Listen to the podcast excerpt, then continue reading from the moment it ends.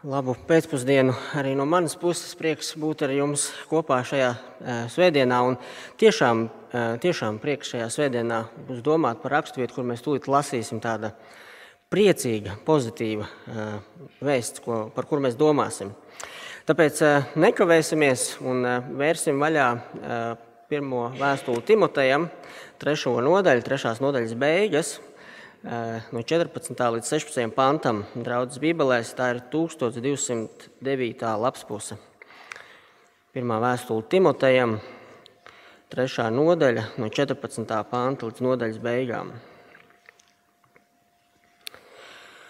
Šo visu es tev rakstu, būdams cerībā, ka drīz ieradīšos. Bet, ja es aizkavēšos, lai tu zinātu, kā tev vajag darboties Dieva namā, jo šis nams ir dzīvā Dieva draudzene patiesības balsts un pamats. Visatzīstami liels ir dievticības noslēpums. Viņš ir parādījies miesā, tēva attaisnots garā, tapis redzams eņģeļiem, sludināts pagāniem, ticībā pieņemts pasaulē, uzņemts godībā. Āmen, tas ir Dieva vārds. Vadīšu mūsu īsā lūkšanā, un tad pārdomāsim to. Labais debes Tēvs, mēs pateicamies par Tavu vārdu. Tavā vārdā ir dzīvība. Lūdzam, lai mēs eh, šo dzīvību varam baudīt arī šajā pēcpusdienā, eh, dzirdēt, kā Tu uz mums runā caur savu garu. Jēzus vārdā to lūdzu. Āmen. Es nezinu, nezinu, kā jums. Man tā noteikti ir un pieņemu, ka tā ir diezgan lielai eh, daļai cilvēku. Man ir vieglāk izdarīt kādu uzdevumu, ja es zinu tā saucamo lielo bildi, lielo bildi kādēļ, kādēļ tas ir jādara. Citreiz lielo bildi ir visai viegli saskatīt, citi teikt, ka tur pat nevajag lielo bildi zināt, nu, piemēram, kādēļ būtu regulāri jāiznes atkritumi, piemēram, vai ne. Tas tā kā būtu saprotams. Citreiz lielo bildi ir grūtāk ieraudzīt. Bija tāds iedvesmojošs citāts par to, kādēļ ir vajadzīga, nepie, vajadzīga vīzija. Tur būvlaukumā trīs dažādiem būvniekiem uzdeva vienu to pašu jautājumu: Ko tu dari? Un pirmais atbildēja: Es mūrēju. Otrs atbildēja: Es mūrēju sienu. Un trešais atbildēja: Es ceļu katedrāli. Nu, tāds gaisīgs un tāds, tāds uh, iedvesmojošs, varbūt citāds, bet, uh, bet tā ir. Mums palīdz tā lielā bilde, kad mēs redzam, redzam kāpēc mēs to darām. Tas var būt praktiskos uzdevumos, tas var būt aizejot pie ārsta. Nu, kāpēc man jādzer šīs zāles, kāpēc man tās jādzer tik ilgi? Tāpēc, un tāpēc ka, ka, ka vajag, kā ārsts paskaidro, ka ar simptomu pazušanu varbūt tās uzreiz nav viss atrisināts, jāpadzer ilgāk. Um, kad mēs redzam lielo bildi, mēs sapro, saprotam, uz kurien mēs ejam, mēs saprotam, kas ir jādara, mēs saprotam, kādā secībā tas ir jādara Mēs varbūt saprotam, kas nav jādara. Uzdevumi daudz vieglāk sakrīt pa plauktiņiem. Pāvils ir savas vēstules Timotejam, pirmās vēstules Timotejam vidū. Viņš ir minējis vairākas svarīgas lietas, kas Timotejam ir jāievēro. Un šeit Pāvils dod eh, viņam paskaidrojumu vai iemeslu, kādēļ viņš ir rakstījis to, ko viņš ir rakstījis. Ja mēs ieskatāmies 14. pantā, mēs redzam šos vārdus. Šo visu es tev rakstu, būdams cerībā, ka drīz ieradīšos. Bet, ja es aizkavēšu, aizkavēšos, lai tu zinātu, kā tev vajag darboties Dieva namā. Šajos pantos Pāvils iedod Timotejam lielo bildi, lai viņš saprastu, kādēļ ir svarīgi viss, ko viņš ir iepriekš sacījis, rakstījis, arī tas, ko viņš eh, rakstīs uz priekšu, ko viņš tūlīt lasīs. Ehm, es jau teicu, iesākumā ļoti pozitīva ziņa. Man pilnīgi izskatās, ka Pāvils šajā, šajā īsajā eh, tekstiņā, šajā dažos pantos ir iekļāvis tādus divus tā kā, eh, slavinājumus, gandrīz kā slavas dziesmas. Slavinājumu draudzēji un slavinājumu dievticībai. Tāpēc tā arī darīsim, sekosim šai, šai secībai un sāksim ar pirmo. Doma, padomāsim par draugu. Kāds tad izskatās šis draudzes slavinājums? Pāvils uh, saka, ka visa rakstītā mērķis šajā vēstulē ir zināt, kā uzvesties Dieva namā. Un droši vien jūs nojaušat, ka šeit nav runa par uzvedību baznīcā, ka mēs bērniem sakam, neskrieniet, nedzeriet visu pienu no kafijas galda. Ja? Vārds nams ir tas pats, kas lietots eh, nedaudz iepriekš, kad Pāvils eh, rakstīja par to, kā, kādiem jābūt draudzes vecajiem un diakoniem. Proti, ka viņiem ir labi jāpārvalda savs nams. 4. un 12. pāns varat pārbaudīt. Nama pārvaldīšana nenozīmē jumta lāpīšanu, kanalizācijas tīrīšanu obligāti. Runa ir par ģimenes pārvaldīšanu. Un līdz ar to pirmā lieta, ko mēs varam secināt, ka Pāvils nosauc draudzes namu, ka draudzene ir ģimene. Tā ir ģimene. Kas ir ģimene? Nu, droši vien katram ir savs priekšstats par ģimeni, katram ir sava pieredze par ģimeni. Es varu minēt tik dažus e, piemērus. Ģimene ir vieta, kur viens par otru rūpējas, vai ne? Ja vienam sāp, visiem sāp. Ja vienam ir prieks, visiem ir prieks. Ja vienam ir grūti, pārējiem metas palīdzēt. Ja kāds nevar samaksāt rēķinus vai citas pamatvajadzības, citi var nākt tālāk un palīdzēt. Ģimene ir vieta, kur rūpējas viens par otra garīgajām vajadzībām. Aizlūdzu, apvaicājis, kā iet, pieskata, ja ir tāda vajadzība. Ievēro, ja kāds ilgāku laiku varbūt nav bijis, eh, redzēts draudzē un mīlestībā apvaicājās. Kādēļ tā?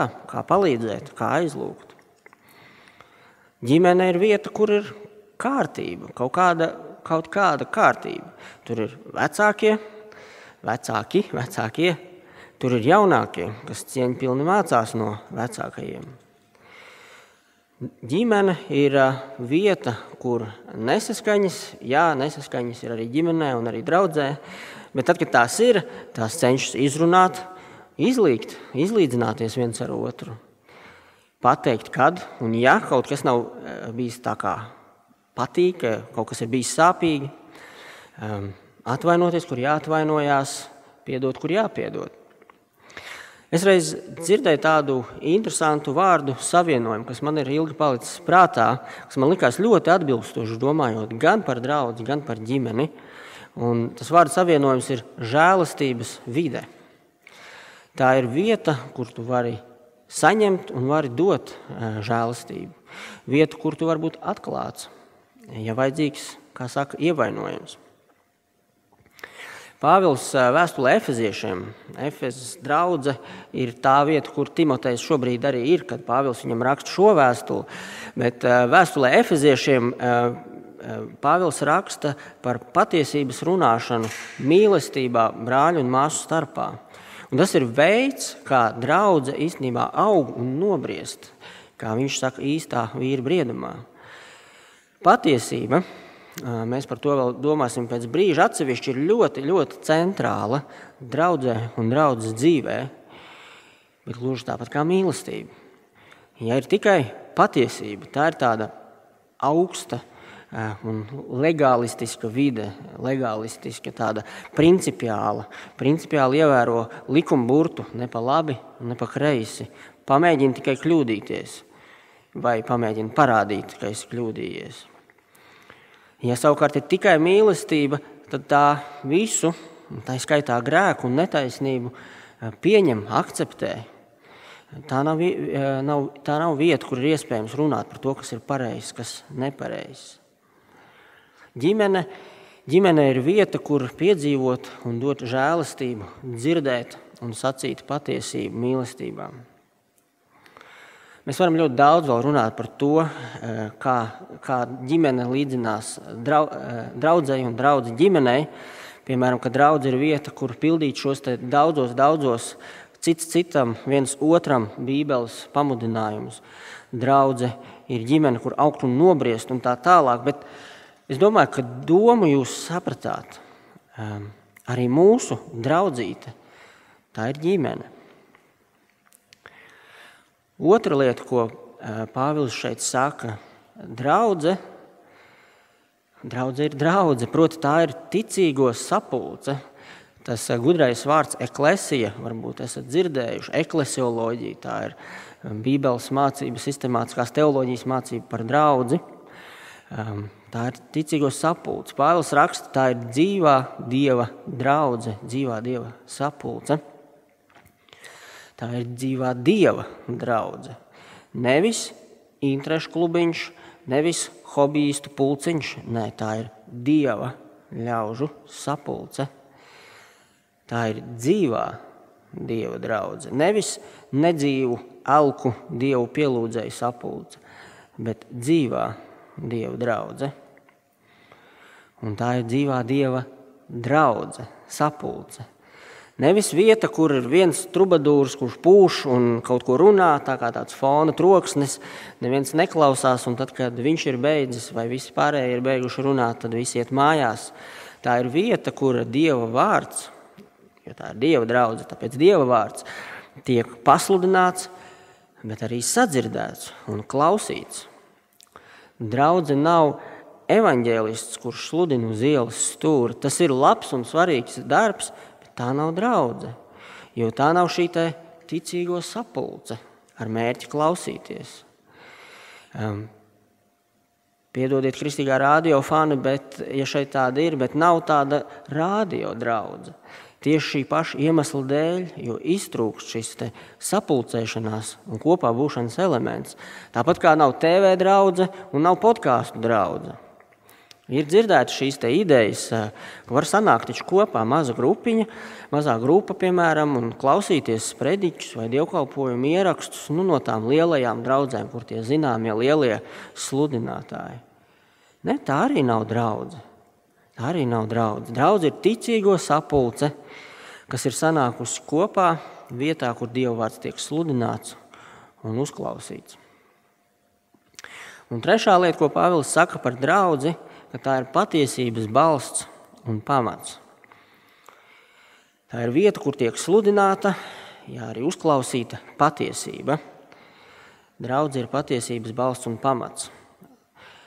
Ko nozīmē tas, ka draudzība ir pamats? Tas nozīmē, ka patiesība tur ir pamatīgi, pamatīgi iecementēta, tā lai tā neizkust no vietas, tā lai tā netiek kompromitēta un sagrozīta.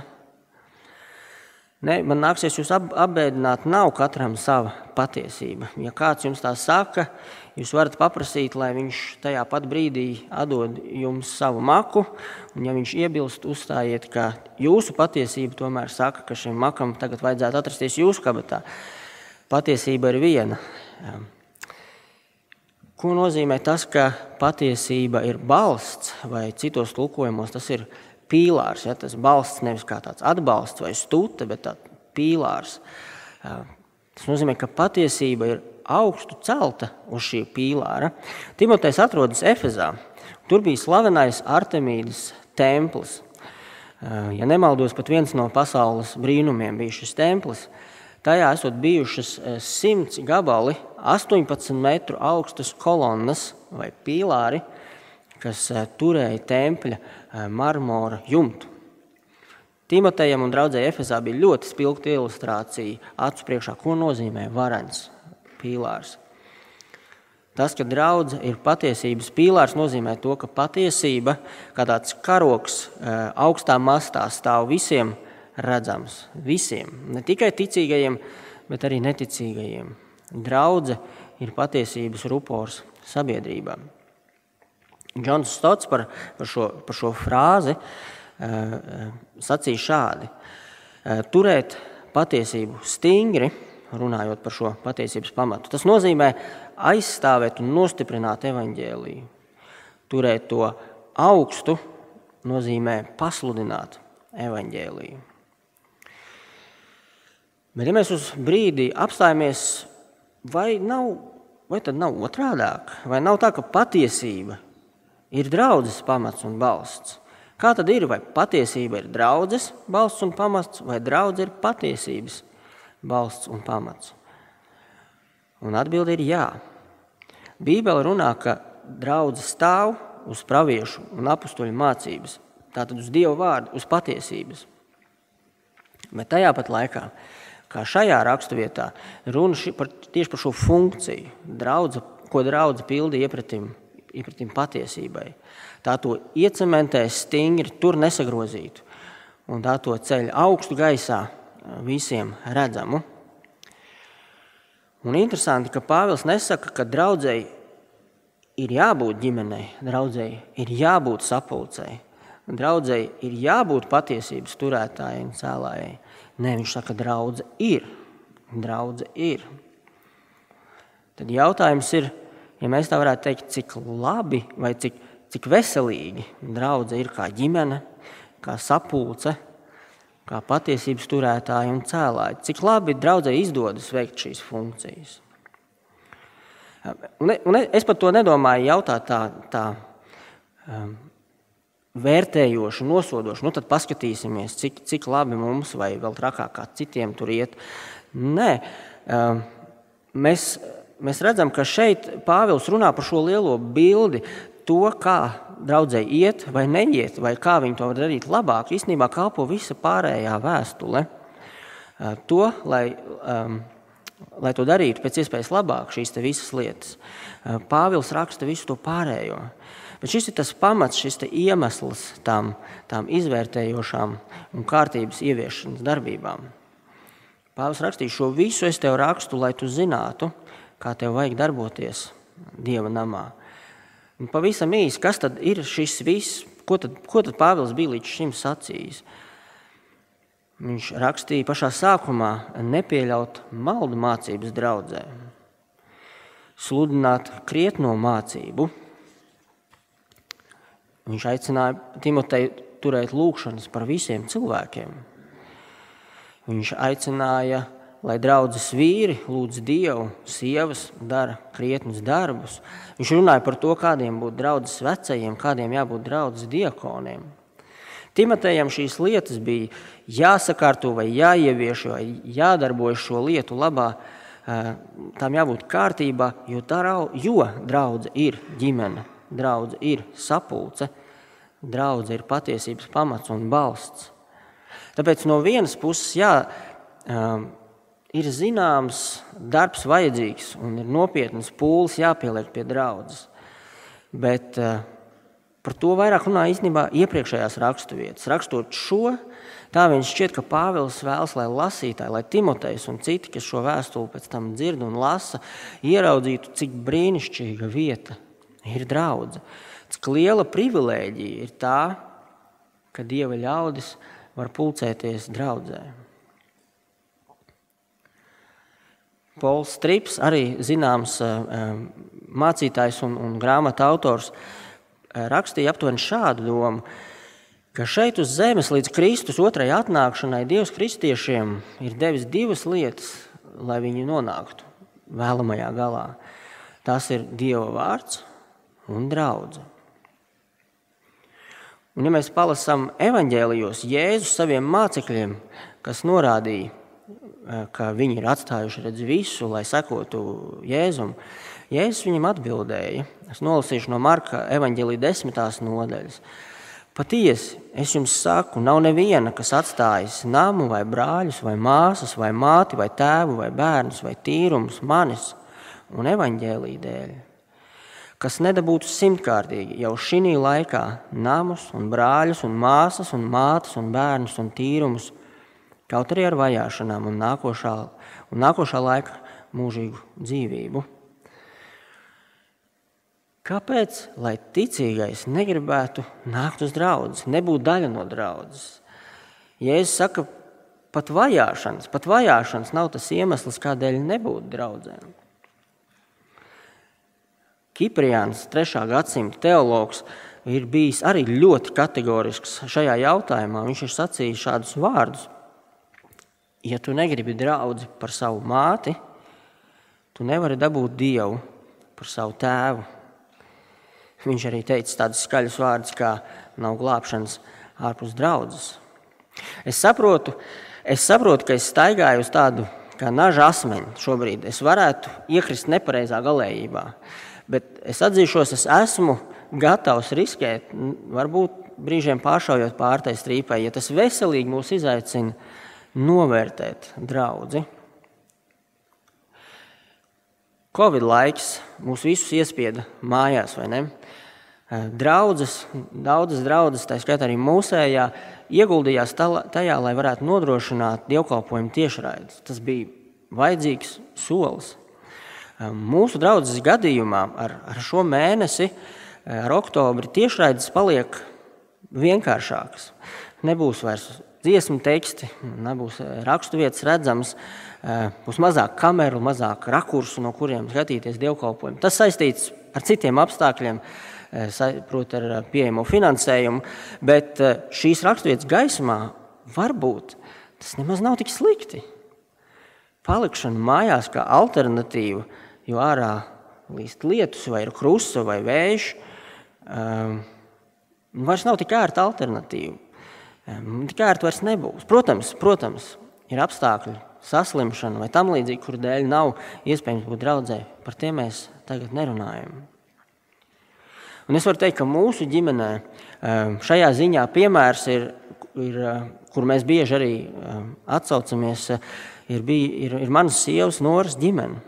Viņi dzīvo nelielā ciematā, 20 km no Talsiem. Viņa draudzene Talsos. Um, viņam lielāko daļu nu, no bērnības nebija mašīna. Sākumā bija, kad tā galīgi noplīs, nebija līdzekļu vairs tās saremontēšanai. Viņi regulāri brauca uz draugu. Autobusu satiksme bija kā bija. Katru svētdienu tas prasīja vairākas stundas. Pirms dievkalpojuma klejot pa talsiem, vairākas stundas pēc dievkalpojuma klejot pa pilsētu. Viņi bija draudzē. Reizēm nebija naudas autobusam. Viņi gāja ar kājām uz citu ciematu, aptuveni 10 km attālumā, kur bija, kā to varētu saukt, tāda mājas draudzene. Viņi bija draudzē. Draudzene tā ir privilēģija. Tā ir Dieva dota dāvana. Draudzene ir ģimene, draudzene ir sapulce, draudzene ir patiesības balsts un pamats.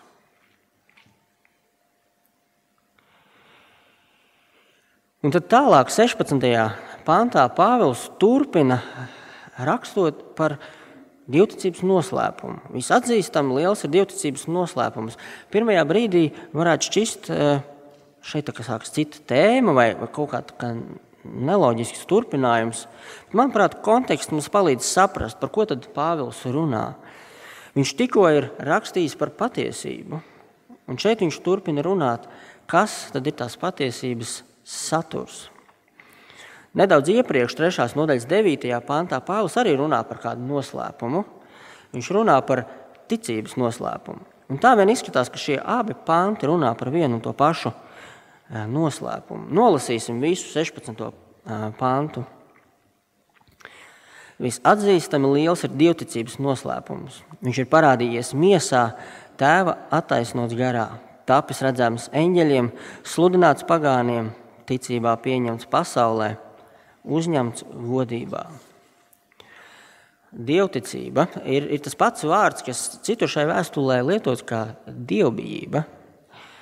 Kāds ir dievbijības noslēpums? Ja mēs to pajautātu kristiešiem draugzēs, visticamāk viņi un arī mēs e, vienkārši šo jautājumu dzirdot, uzskaitīt kādas lietas, ko, ko darīt, ko nedarīt. Nu, tā taču izskatās dievbijība.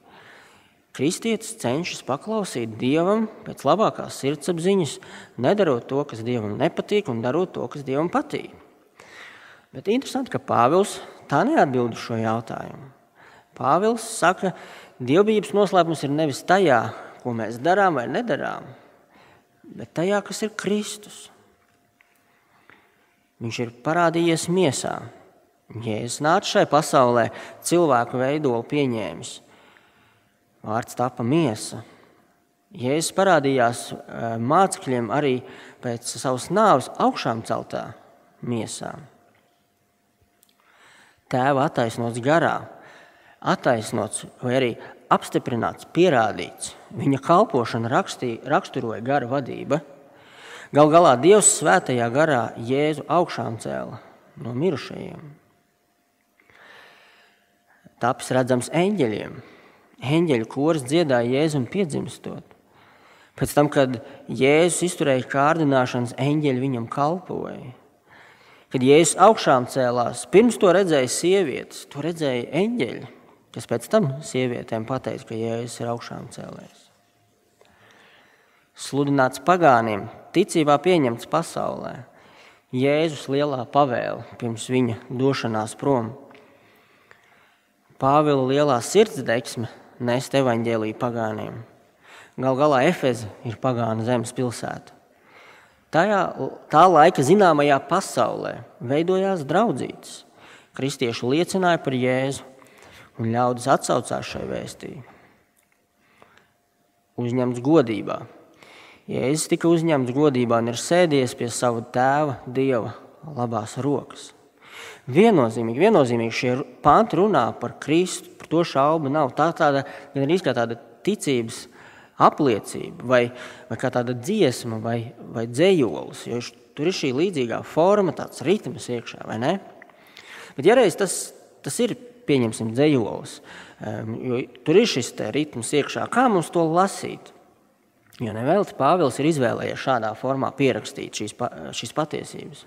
Ko mums ar to iesākt? Un jāsaka, Bībeles pētniekiem un skolotājiem nav skaidrs atbildes, kā, kā būtu jālasa šie, šie seši eh, teikumi, frāzes. Kāda saka, tas jālasa chronoloģiski. Bet tad šķiet, nevietā ir tā pēdējā rinda. Loģiskāk būtu jēzus uzņemšana godībā likt pirms sludināšanas un ticēšanas pasaulē. Tad tiek skaidrots, ka ar jēzus otro atnākšanu, kad viņš ir un, un viņa līgava draudzene eh, tiks uzņemta godībā. Citi skolotāji saka, ka tās ir divas, trīs rindas. Citi saka, ka tās ir sešas neatkarīgas frāzes. Um, man likās interesanti vēl ceturtā versija. Um, nesaku, ka tas ir, tā ir pareiza atbilde. Man vienkārši likās kontekstā labi iedarās. Ši, lasīt to kā trīs divrindas, kuras parāda mums Jēzus lielumu, viņa kalpošanas plašumu, tādu kā mērogu, cik liels, cik plašs ir Jēzus un viņa darbs. Nu, pirmais pāris. Viņš ir parādījies miesā, tēva attaisnots garā. Miesa un gars. Pilnīgs cilvēks, pilnīgs dievs. Viņa cilvēcīgā un dievišķā daba. Otrs pāris. Tapis redzams eņģeļiem, sludināts pagāniem. Šis vārds, kurš ir iztulkots kā pagāni, ir vārds etnos, kuru var tulkot arī kā tautas. Protams, citas tautas ārpus Izraēla bija pagānu tautas. Eņģeļi, pagāni, eņģeļi tautas. To redz ne tikai jūdi, ne tikai cilvēki, zemes iedzīvotāji, bet viņa darbu redz arī debesu iedzīvotāji, debesu būtnes eņģeļi. Trešais pāris - ticībā pieņemts pasaulē uzņemts godībā. Pasaule un godība. Viņš ir pieņemts ne tikai pasaulē, bet arī debesīs godībā. Kā jau teicu, es nepretendēju, neaģitēju, ka šis ir tas pareizākais skaidrojums, kā jāuzlūko šīs frāzes. Mēs varam uzlūkot tās katru atsevišķi, un, un mēs sapratīsim, par ko, ir, ko, ko tur ir rakstīts. Lietas būtība tas nemaina, bet manuprāt, šis veids palīdz ieraudzīt un lūkoties uz lielu jēzu uz varenu Jēzu. Visatzīstami liels ir divticības noslēpums. Draudzes mērķis ir būt par tādu kā garīgās eh, drošības saliņa dievu ļaudīm. Draudzes mērķis ir sludināt lielu jēzu, sludināt to sev un sludināt to citiem. Mēs esam aplūkojuši, kas ir draudz un kāds ir tās uzdevums, man liekas, ka nebūtu nepareizi veltīt pavisam nedaudz laika padomāt arī, kas nav draudze. Draudze nav, draudze nav teātris vai koncerts. Draudze nav vieta, kur meklēt izklaidi. Draudzē nav jāizklaidē. Tas, kas notiek priekšā dievkalpojumā svētdienā, tas nav priekšnesums. Es atceros, man da, vienā no pirmajiem darbiem kolēģe sacīja, man patīk baznīcā tā karaoke. Ar karaoke viņi domāja, ka ir dziesma un vārdus rāda aizmugurē. Nav karaoke. Svētruna nav semināra motivācijas runa, lai varētu izvilkt nākošo nedēļu. Es apzinos, ka es runāju vairāk par svētdienas dievkalpojumu, bet savā ziņā tā ir tāda klasiskākā vai redzamākā daļa no, no tā, ko bieži vien saprot ar draugu. Es atceros, es rad, e, sanācu vest tādu nelielu studentu grupiņu no Lietuvas pa dažādām Rīgas draugiem. Viņi bija no Klaipēdas, tās kristīgās universitātes, un viņi ap, apmeklē dažādas draudzes, dažā, aplūkojot dažādus draugu modeļus. Un viena no pieturām bija kāda liela, moderna draudzene ar, ar, ar, ar plašām telpām, ar, ar visiem skatuves pričendāļiem, kā mēs teiktu. Un šis draugs mācītājs teica, mēs negribam, lai cilvēki ienākot šeit, saņem kaut ko mazāk nekā kad viņi iet uz laicīgu pasākumu. Un no vienas puses jau nav nekas nepareizs dot labāko, kvalitatīvāko, kas draudzē ir. Bet, bet ir liela bīstamība, ir liela bīstamība, ka ļaudis nāk nevis sastapties ar dzīvo Dievu un viņa ļaudīm, saviem brāļiem un māsām, bet gan lai tiktu izklaidēti. Un tad, kad izklaide vairs nav pa manai gaumei, tad iet meklēt citu izklaidi vai vai varbūt kaut kur citur labāka izklaide, tad iet uz to. Varbūt tā izklaide ir citā draudzē, varbūt tā nemaz nav draudzē. Otra lieta, kas draudze nav, draudze nav veikals. Draudze nav veikals, kur tu aizēji un izvēlēsies. Paņemšu miltus Rimī, šonadēļ akcija ir cukuram Lidlā, maksimā tās lētās vīnogas. Ja nu kaut ko aizmirsīšu, ieskriešu piemājas latiņā. Sadraudzība man patīk tā draudzē, kad man gribas izdziedāties, es aizēju uz to draugu. Savukārt tur atkal ir forši tie brīnumi. Un pats labākais, ka es katru svētdienu esmu citā vietā, man nevienā ne, neliek kaut ko darīt. Es atceros, ka laikā, kad es, kad es ienācu draudzē, bija tie jauniešu dievkalpojumi, tādi diezgan lieli jauniešu dievkalpojumi pa nedēļas vakariem. Tad bija tāda migrējoša jauniešu masa, kas pārvietojas no vienas dievkalpojuma uz citu. Un nav jau slikti, ka jaunieši apmeklē dievkalpojumus. Bet, bet, ja mēs runājam, ka draugs ir ģimene, tad tev var būt tikai viena ģimene. Ģimenē tu audz, tu mācies, iesaisties, dodot no sevis. Tevi pieskata, tu esi atbildīgs citu priekšā, atrod savu garīgo ģimeni. Ja, jā, tas sākumā var nozīmēt pastaigāšanu, pameklēšanu, bet tad paliec, kur tu esi, ko tu esi atradis. Tāpēc uzlūkosim savu draugu kā dieva dāvanu, kas mums ir dota. Svētdienas dievkalpojums nav viena no svētdienas pavadīšanas opcijām. Svētdienas dievkalpojums eh, pat nav pienākums. Svētdienas dievkalpojums ir, ir privilēģija, tā ir dieva dāvana. Protams, nav runa tikai par svētdienu. Draudz nav tikai svētdiena. Bet, bet, kā jau minējām, tā ir tā redzamākā draudzes varbūt eh, izpausme. Un es nerunāju tikai par, par apmeklēšanu. Draudze, draudzē notiek aktīvs darbs, vispirms jau aktīvs klausīšanās darbs, dievu vārdu klausīšanās. Bet gluži kā ģimenē, tā arī draudzē mēs taču dodam, vismaz veselīgais ģimenēs, iesaistamies vai ne? Vienreiz viens nomazgā trauks, citreiz cits. Citreiz viens sakārto istabu vai izmazgā grīdu, citreiz cits. Citreiz viens uh, dara vienalga kādus mājas pienākumus, citreiz otrs, kādreiz to dara kopā. Jūs nojaušat, kurā virzienā es eju, vai ne? Citreiz viens uzstājas kafiju, citreiz cits, citreiz viens saliek galdus un bībeles, citreiz cits. Citreiz viens skaņo dievkalpojumu, citreiz cits. Citreiz viens filmē tiešraidi, citreiz tas pats. Um, bet to es saku uh, ne, nevis kratot ar pirkstu, bet īstenībā ar prieku. Um, mēs, mēs kā jau Mārtiņš teica, jau minējām, ka ir vajadzīgi palīdzi, eh, palīgi gal, galdu salikšanai, kafijas uztaisīšanai. Un, un ir priekš, prieks tiešām redzēt, ka vairāk no jums ir, ir atsaukšies. Paldies! Un, kā jau Mārtiņš teica, joprojām ir iespēja eh, pieteikties, un jo, jo, jo vairāk pieteiksies, jo retāk tas būs jādara. Ikvienam roka jāpieliek, lai lielais darbs uz priekšu iet, vai ne? Bet savukārt tas 16. pāns mums atgādināja neiesprūst uz šiem mazajiem, jā, svarīgajiem, vajadzīgajiem darbiņiem, bet atcerieties, kādu vēstu mēs nesam kā karogu mastā, kā augstā pīlārā. Vēsti par Kristu, Dievu, kurš taps cilvēks, pilnīgs Dievs, pilnīgs cilvēks, kurš nāca, lai atdotu savu dzīvību kā izpirkumu maksu par saviem ļaudīm un vēstu viņus uz īstajām mājām. Šim mērķim kalpo saliktās bībeles, un noliktais galdiņš zem tām, lai varētu lasīt un sekot šai vēstījai. Tam kalpo sakārtotais bērnu stūrītis, lai vecāki ar bērniem var būt šeit un klausīties. Tam kalpo kafija pēc dievkalpojuma, lai dzirdētu, pārunātu, lai viens otru stiprinātu, kur vajadzīgs izaicinātu, aizlūgtu, mierinātu un tā tālāk un tā joprojām.